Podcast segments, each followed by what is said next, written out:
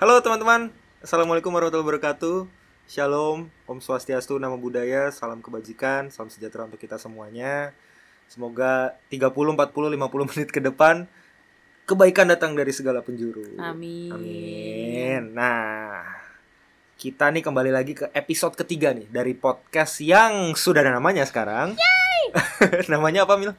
Pojok mikir Berry Emil. Oke.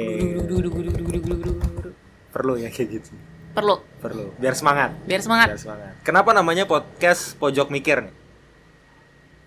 Ya sebenarnya jadi tempat buat sharing pertanyaan aja sih, nggak mesti selalu ada jawaban dan siapa tahu ya nanti ada teman-teman yang pengen mampir ke pojokan Yoi. ngobrol sama kita gitu ya. Jadi Ya, namanya betul betul. pojok mikir. Karena kita kan sering ngobrol ya kalau lagi Nah. berdua gitu kayak suka ngalor ngidul nggak jelas gitu dan selalu pop up banyak pertanyaan yang kita tidak tahu jawabannya. Jadi kita nggak mau bingung sendirian guys, Betul. kita mau sharing-sharing Betul, betul. kebingungan. Jadi kalau Betul. mau cari teman bingung sama kita boleh. Ke pojokan boleh. Boleh, mantap. Nah, hari ini kita akan bahas satu topik yang sangat menarik, yaitu adalah toxic positivity. Nah, positif emang bisa toxic. Yoi. Ini lagi hits banget sekarang nih karena banyak orang yang ngomongin ini. Ya. Tiba-tiba lagi lagi banyak banyak dibahas lah di sosial media tentu saja sebagai netizen yang budiman. Iya toh, iya dong. Sekarang kan sebagian besar kehidupan kita ada di dunia sosial media. Jadi Wow. You do? Oh. Terus gitu. mudah-mudahan tidak ya. ya tapi maksudnya ada banyak orang di Twitter, di Instagram, di Facebook masih ada nggak sih Facebook? Gue udah delete Facebook ya. Gue masih Dari ada sih. kapan ya? Ya tapi mainly di Twitter dan Instagram lah orang mulai banyak bahas tentang toxic positivity. Ya. Eh, kalau yang gua tangkep sih ya, yang gua dapatkan Hmm. eh, toxic positivity itu contohnya misalnya eh gua dapet nilai jelek. Misalnya nilai gua 70. Terus ada temen gua yang bilang, "Gak apa-apa lah 70. Lu masih bagus. Masih ada temen lu yang dapet 40 aja susah gitu kan. Lu harusnya bersyukur Yoi. lu harusnya bisa melihat teman-teman lu yang lebih susah mendapatkan lu udah bersyukur lah lu udah bagus 70 gitu Hmm. nah buat banyak orang di Twitter dan di Instagram juga itu toxic positivity namanya Hmm. karena mencoba untuk membuat orang gua nih dalam konteks tadi gua Ya. itu jadi positif harus bersyukur harus Hmm. semangat tapi somehow toxic gitu Ya. Ka- karena gue jadi kayak nggak gitu mainnya bro nggak gitu Nggak, nggak gitu. Bu- gua tuh punya perasaan dan gue lagi sedih Ya. gitu jadi ya lu jangan buat gua berusaha membuat gua dengan tidak sed- menjadi tidak sedih Ya. dengan membandingkan gua dengan orang lain yang Hmm. kondisinya mungkin tidak lebih beruntung tapi Ini Ad- bukan lomba jelek-jelek kan? bukan dong fakta bahwa ada orang yang lebih tidak beruntung membuat tidak membuat gue jadi tidak sedih karena Hmm. faktanya gue lagi sedih Ya, gitu kan ya. itu kenapa orang bilang eh, toxic positivity itu ya sesuai namanya toxic gitu ya Hmm. tidak sehat gitu Ya. nah lu punya pengalaman gak sih tentang toxic positivity dan apa pandangan lu terhadap eh, toxic positivity ini Eh, pernah dan kalau gue emang rada lebih ekstrim ya. Jadi Eh, gimana tuh ekstrim ekstrim dan sangat personal. Jadi waduh eh, bokap meninggal, Mhm. terus menghibur dengan masih mending mil bokap yang meninggal. Untung bukan bokap jadi nyokap kayak eh, eh, Hah? Gimana? ini siapa sih Ini gimana sih maksudnya? sebut nama sebut gitu? nama sebut Ya, nama kita datengin Jangan dong. ada kayak gitu tapi ya respon gue pertama memang itu nyebelin tapi kedua eh, eh gimana sih? ya nggak Ya, mungkin nggak pertama- nyebelin dong Ya pertama nyebelin tapi respon utama pada saat itu adalah kaget. I see Karena- kenapa ada orang kayak gitu Kepikiran ya Iya. gitu kayak gue kagak kagak kepikiran gue kayak udah udah fokus sedih gitu Iya, fokus iya. sedih ya ya pokoknya gitulah Hmm. dan itu memang ah, apa namanya pernah nyebelin dan kaget tapi Mhm. kan pada waktu itu kondisinya lagi nggak bisa buat probing ya kayak lah maksud lu apa Hmm. gitu kan nggak bisa gitu. jadi kayak ditelan aja tapi Hmm.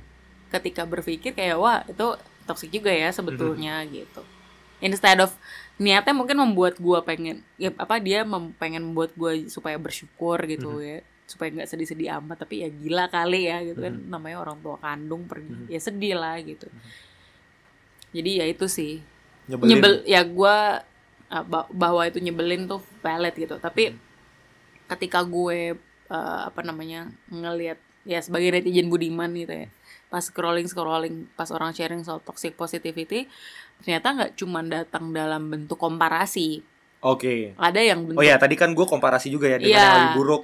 Ko- kemungkinan yang lebih buruk. Nah, lu itu juga kan orang lain nah kalau gue sebenarnya nggak dengan orang lain dengan diri gue sendiri tapi ya tetap di compare Ya, gitu ya. mendingan mana dua-duanya Yes, meninggal atau yes, satu yes. dua kayak iya Ada gitu. kondisi kemungkinan lain yang mungkin Nah. terjadi yang lebih buruk. Mm-mm. Nah, ada nih yang lebih subtle gitu. Jadi Hmm. lebih lebih halus dan kayak ini toxic nggak ya sebetulnya Yes, yes. tapi ya di eh, Di Twitter. dinilai ya dinilai itu sebagai Toxic part of toxic gitu. Kayak misalnya eh aduh gue misalnya aduh gue sedih banget nih gue nggak bisa datang ke ulang tahun temen deket gue Mhm. gitu. Eh ya udah nggak apa-apa kita tetap positif aja gitu. Hmm. Hah, gimana ceritanya gitu Hmm. loh tetap positif aja Hmm. jadi hal-hal yang sifatnya seperti menyemangati Mhm. kayak menyu- jangan sedih gitu Mhm. itu yang kayak gitu-gitu itu juga dianggap sebagai toxic Yes, positivity gitu Karena mungkin itu mendinai perasaan ya sifatnya. bisa jadi Bahwa kayak eh lu jangan sedih, lu lu harus bisa lebih semangat dan Ya, seterusnya ya. dan seterusnya. Ya. Tapi menarik karena dari point of view yang memberi semangat yang yang so called toxic positivity-nya itu Hmm, sebenarnya kan mungkin intensinya nggak nggak pengen jadi toxic ya kadang-kadang ya. ya Kadang-kadang intensinya memang sekedar pengen menyemangati aja gitu. Ya. Dan pengen membuat temen lu yang lagi dalam state negatif bisa Hmm. jadi lebih positif. Ya. Ah, itu menurut lu gimana tuh point of view itu tuh kayak gimana? Eh, tapi ya sebenarnya kalau state-nya gue lagi biasa aja gitu ya Mhm. bukan sedang bersedih atau gimana dan mencoba menanggapi orang yang dinilai memberikan komentar toxic positivity perlu di ada hal-hal lain yang perlu dipertanyakan dari sisi orang yang memberikan komentar misalnya Ya. bisa jadi memang seumur hidup kalau dalam kasus gue ya Hmm. seumur hidup orang itu nggak pernah kehilangan orang yang dia sayang Ya. jadi kemudian dia kekurangan istilahnya di kamusnya itu dia kekurangan kosakata Mhm. atau kekurangan cara-cara gimana sih kalau orang lagi kehilangan tuh gue harus bersikapnya kayak apa dia Mhm. nggak tahu Mhm. dan kan kalau orang nggak tahu gak bisa lu salahin ya kan nggak tahu Ya, gitu Ya. dan sebenarnya respon yang menurut gua ya Hmm. jika memang punya cukup banyak energi gitu sebetulnya responnya jangan membenci tapi dikasih tahu ketika sudah mampu ngasih tahu misalnya Oke. kan tapi ini kasusnya ke yang Hmm. Nggak Dikasih tahu. tuh gimana? Maksudnya dia uh, kayak uh, misalnya da- dan gua nah ini juga salah satu hal yang menarik sih kita kan nggak nggak common ya untuk membicarakan perasaan Ya, ya. nggak common Ya, kan ya. Jadi bisa aja dikasih tahu Apalagi- dengan Hmm. uh, ketika lu bicara A ke Hmm. gue, gue malah merasa tidak enak. Ya, ya.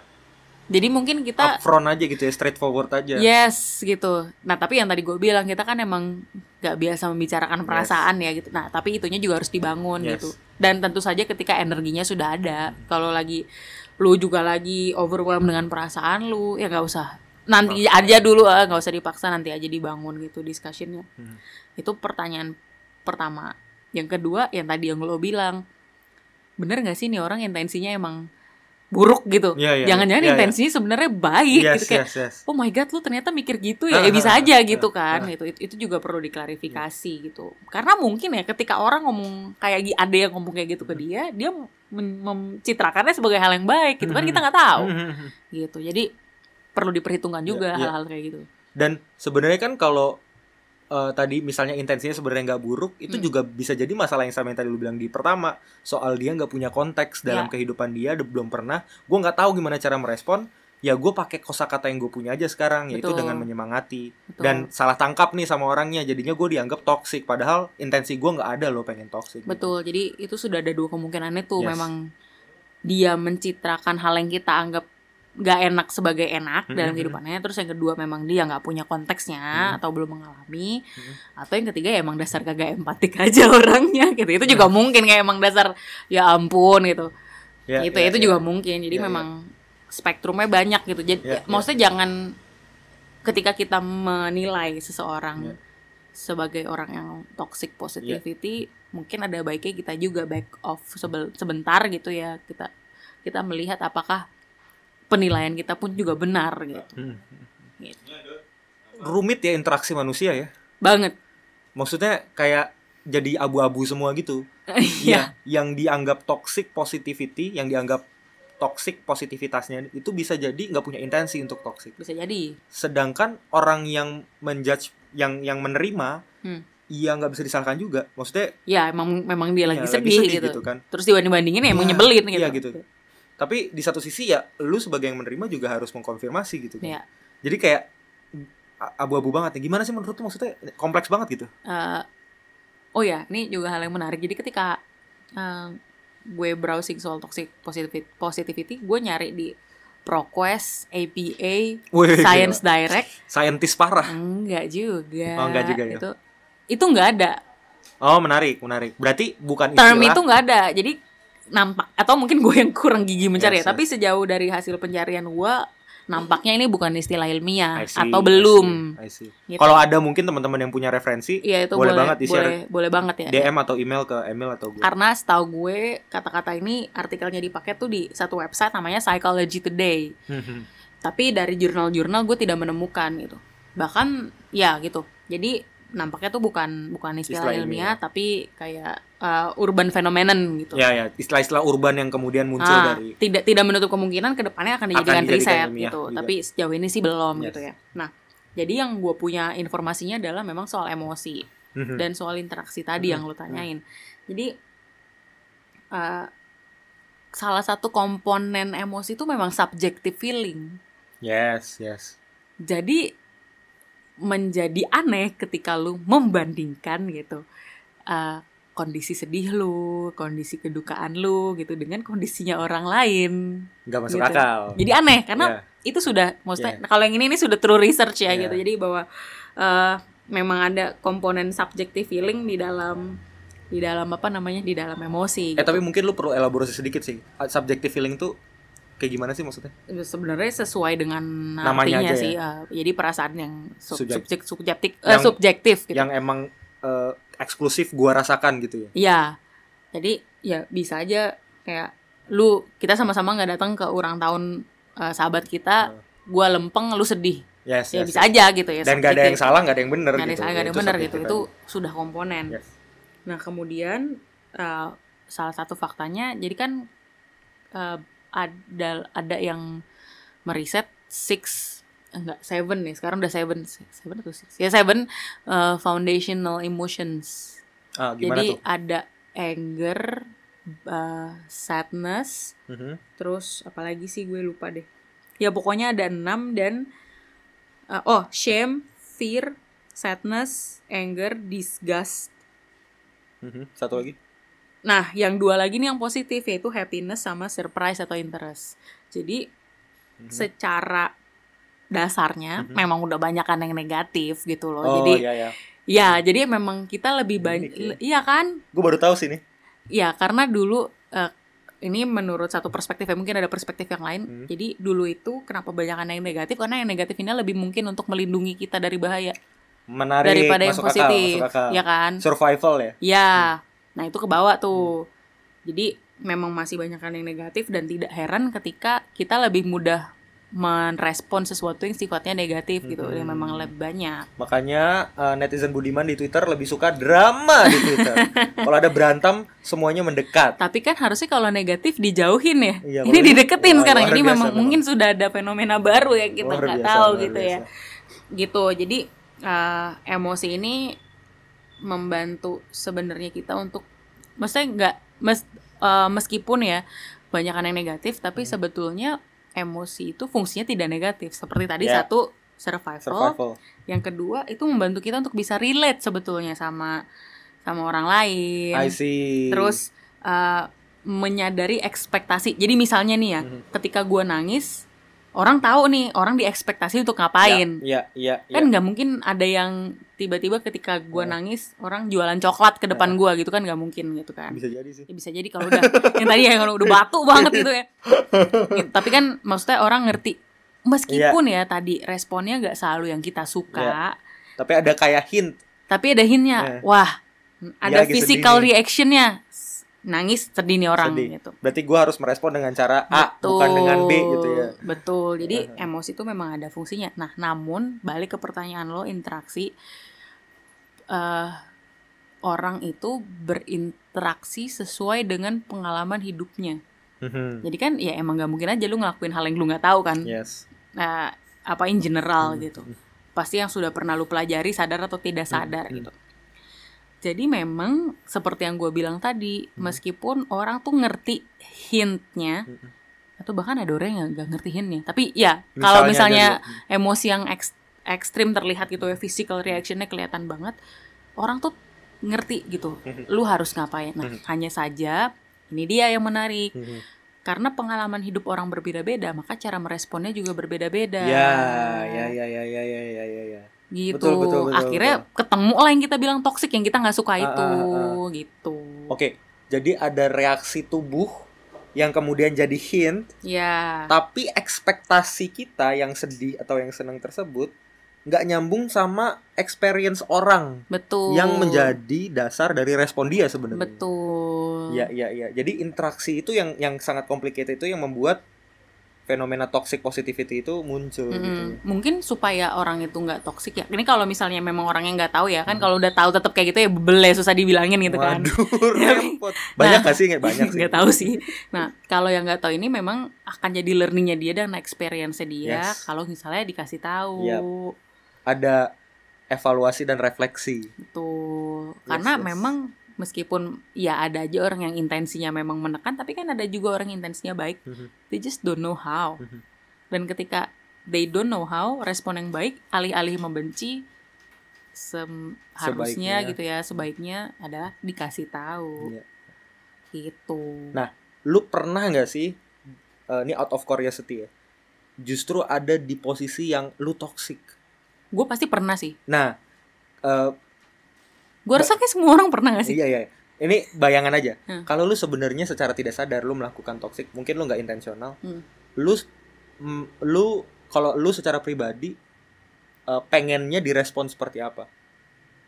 Oleh orang yang merasa toxic, apakah langsung lu toxic baru barusan tau gak sih? Atau gimana? ini kan udah hal yang berbeda lagi ya. Yes. Jadi cara memberi feedback gitu. Ya pengennya sih baik-baik juga gitu. Meskipun ya gue tahu gue barusan berarti melakukan hal yang nggak dia sukain gitu. Pengennya yang konstruktif juga karena eh pengandaiannya ya. Kan gue nggak tahu Ya, kayak gimana sih lo dimarahin karena lo ngelakuin hal yang lo nggak tahu bahwa oh Iya. ini nggak boleh ya gitu. ya, ya. Gitu ya pengennya baik ah, maksudnya bangunlah conversation yang baik aja gitu Yes, yes. gitu sih eh kamu tadi mau ngomong apa tuh lupa oh iya tapi memang gini kembali ke point of view orang yang sedang merasa buruk Mhm. apa pun Dalam itu lah state ya. of mind yang negatif yang lagi tidak baik gitu.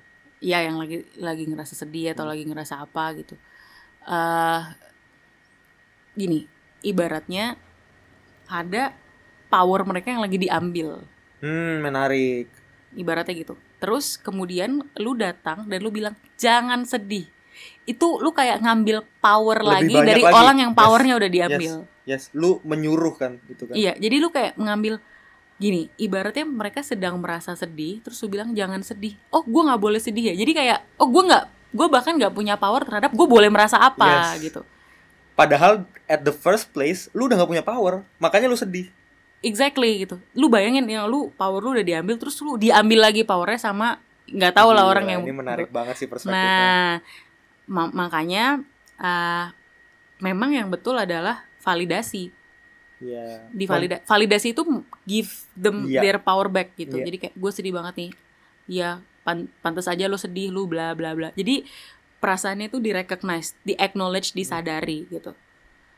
Ya, memang lu bener lu sedih gitu Hmm. lu sedih banget dan gua nggak mendinai itu Hmm. gitu itu akan give them sense of power lagi bahwa oh gua sedang gue sedang ada dalam diri gua. Iya, jadi aware. jadi aware gitu. Karena gini deh ada gak sih orang yang pengen sedih? Iya, kan orang juga nggak pengen Iya, ya gitu. iya, lu iya. jangan sedih ya gimana gitu? Kalau gue bisa nggak sedih juga gue kagak sedih gitu.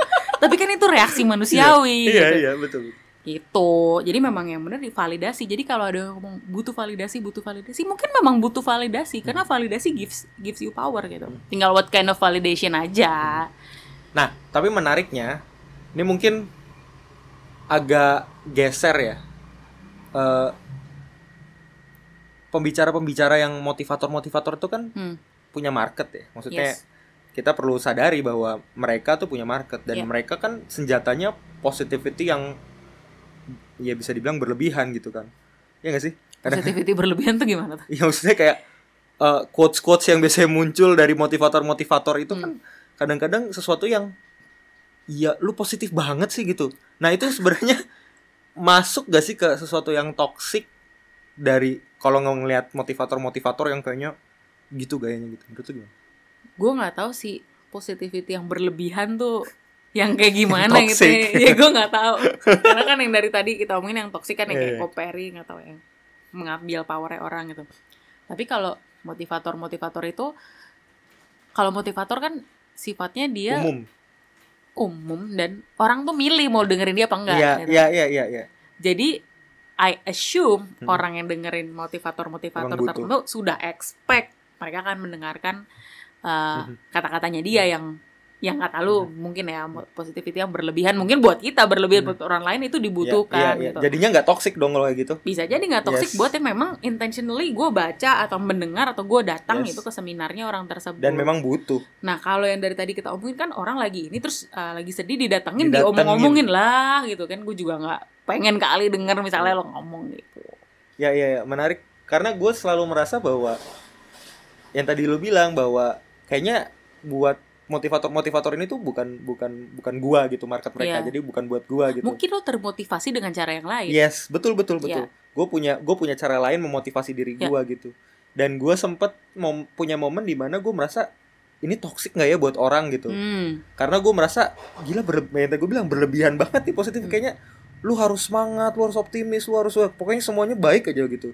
Eh, padahal kan kita tahu kesedihan dan dan negativity itu bagian dari hidup kita Ya. yang membuat yang tadi lu bilang bisa kita bisa jadi survive gitu kan.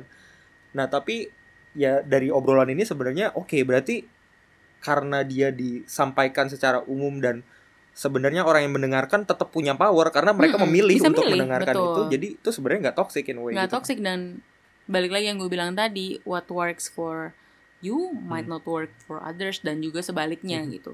Mungkin dalam uh, perjalanan hidup gitu pengalaman yang cocok adalah tipenya yang begitu. Yes. Mungkin lu beda, gue beda gitu. Jadi ya nggak apa-apa sih gitu. Dan gak usah dipaksain juga Maksud ya. gue jangan karena ada fenomena toxic positivity ini akhirnya semua yang positif toxic gitu. Ya nggak juga kan Nah, sebetulnya. itu tuh yang harus hati-hati orang Iya, kan. makanya. Karena orang-orang punya kecenderungan itu kan. Betul. Kayaknya kalau lu negatif sinis tuh lu jadi keren gitu. Kayaknya kalau lu nggak positif, lu lebih realistis gitu. Hmm. Dan kesannya lu jadi lebih lebih real dibanding orang-orang yang positif banget. Padahal kan nggak juga ya. Sebenarnya tinggal embracing the fact that we have both sih kayak Yes, yes. ya lu bisa lu bisa merasa bahagia, lu bisa merasa sedih, lu bisa merasa kaget, lu bisa merasa marah ya nggak apa-apa gitu Hmm. karena ya kan udah disetelnya begitu Iya, gitu iya, kan. Iya, iya, iya. Jadi ya begitu jangan sampai karena ada toxic positivity ini kemudian semua yang positif jadi Mm-mm. salah gitu semua intensi untuk menyemangati jadi salah gitu Hmm. jangan teman-teman tetap butuh untuk banyak loh orang yang butuh disemangatin gitu mungkin yang harus kita lebih perhatikan adalah eh, apakah memang itu yang sedang dibutuhkan maksudnya Ya. bentuknya Ya. apakah itu yang dibutuhkan karena yang tadi kita Ya. obrolin barusan hal yang positif pun bentuknya beda-beda Ya. Dan kebutuhan orang pun beda-beda gitu jadi paling yang perlu diperhatikan itu Ya gitu. soal soal lu bisa berempati dengan dia secara individu tuh nih. Seorang ini tuh butuh apa dan dalam cara seperti Ya, apa gitu kan. Ya, jadi nggak apa-apa lu sedih, tapi juga nggak apa-apa kalau lu mau nyemangatin gitu. Yang harus diperhatikan adalah Caranya. caranya, karena cara akan mengubah message-nya. Oh, itu teori siapa tuh? gitu. Marshall McLuhan Oh. disebut.